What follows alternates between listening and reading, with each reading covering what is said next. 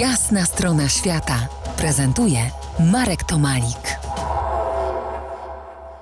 Po jasnej stronie świata Dagmara Bożek, polarniczka, autorka książki Polarniczki, tłumaczka języka rosyjskiego. Wróćmy do tematu par na stacji polarnej. Podobno te pary nie są tam mile widziane. No, mogą się zawiązać, o tym już mówiliśmy, ale, ale żeby na przykład małżeństwo miało pojechać, to taki człowiek, który decyduje, który robi rekrutację, to on to nie mile widzi. Właśnie, to jest temat faktycznie taki dość złożony, bo na pewno zatrudnienie pary wiąże się z różnymi potencjalnymi komplikacjami. Bo po pierwsze, żeby para pojechała na zimowanie mm, czy na pobyt letni, to muszą być oboje muszą być osobami, które pasują na dane stanowiska i mają kwalifikacje. Nie może być sytuacji takiej, że jedzie jedna osoba, a druga jedzie jako osoba towarzysząca, no bo byłoby to bardzo nie fair w stosunku do pozostałych kandydatów, a poza tym no, osłabiałoby pod względem takim kompetencyjnym e, cały zespół. Z drugiej strony zawsze, i tu już jest rola organizatora wyprawy i kierownika wyprawy, trzeba się zastanowić, w jaki sposób para wpłynie na grupę. Ja wiem, że ta rekrutacja no, nie zawsze umożliwia poznanie pod względem psychologicznym wszystkich potencjalnych uczestników, ale na tym co, materiale, który się ma, y, no, kierownik musi podjąć bardzo odpowiedzialną decyzję, czy to wszystko razem zagra. Też oczywiście są jakieś takie sytuacje, że gdzieś z tyłu głowy pojawiają się myśli, a co jeżeli ludzie się rozstaną na tej wyprawie? Jak to wpłynie na nich? Jak to wpłynie na pozostałe osoby?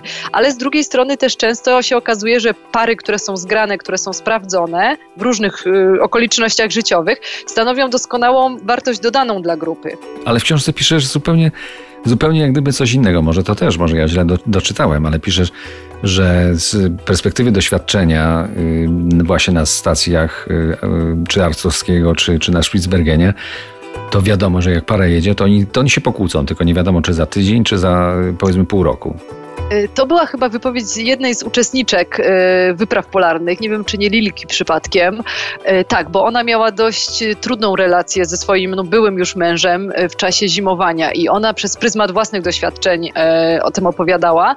Natomiast bardzo ciekawa jest rozmowa z panem Dariuszem Puczko, który jest kierownikiem działu logistyki obsługującej stację Arctowskiego. Ja myślę, że on tam w sposób taki dość wyważony opowiada o tej sytuacji, kiedy osoba rekrutująca bierze pod pod uwagę parę jako potencjalnych uczestników wyprawy, no bo też Darek Puczko przez 20 lat zajmuje się już rekrutacjami, bardzo dużo wypraw zorganizował, także myślę, że mm, jego podejście jest takie bardziej wyważone. Na zasadzie zobaczmy, kto będzie aplikował i potem się zastanówmy, jak to wszystko poukładać. Myślę, że porównanie wyprawy do takiej układanki puzli e, jest bardzo dobre, bo to właśnie no, o to ale chodzi. Ale wy już Nie macie ma... doświadczenie. Wy przecież wiecie, że y, para, tak piszesz o tym książce, że para może zmienić chemię y, w grupie. E, tak, może zmienić chemię, ale też e, tam w rozmowie z Dariuszem Puczko też wybrzmiewa taka fraza, że z jednej strony grupa może się nie zgrać zupełnie, ale jeśli na przykład pojawi się zgrana para, zgrane małżeństwo, może być wręcz domowa atmosfera czy rodzinna atmosfera. Bardzo ciekawe tematy. Powrócimy do nich za kilkanaście minut. Będzie to ostatnie spotkanie w temacie Polek na obu biegunach. To jest jasna strona świata w RMS Classic.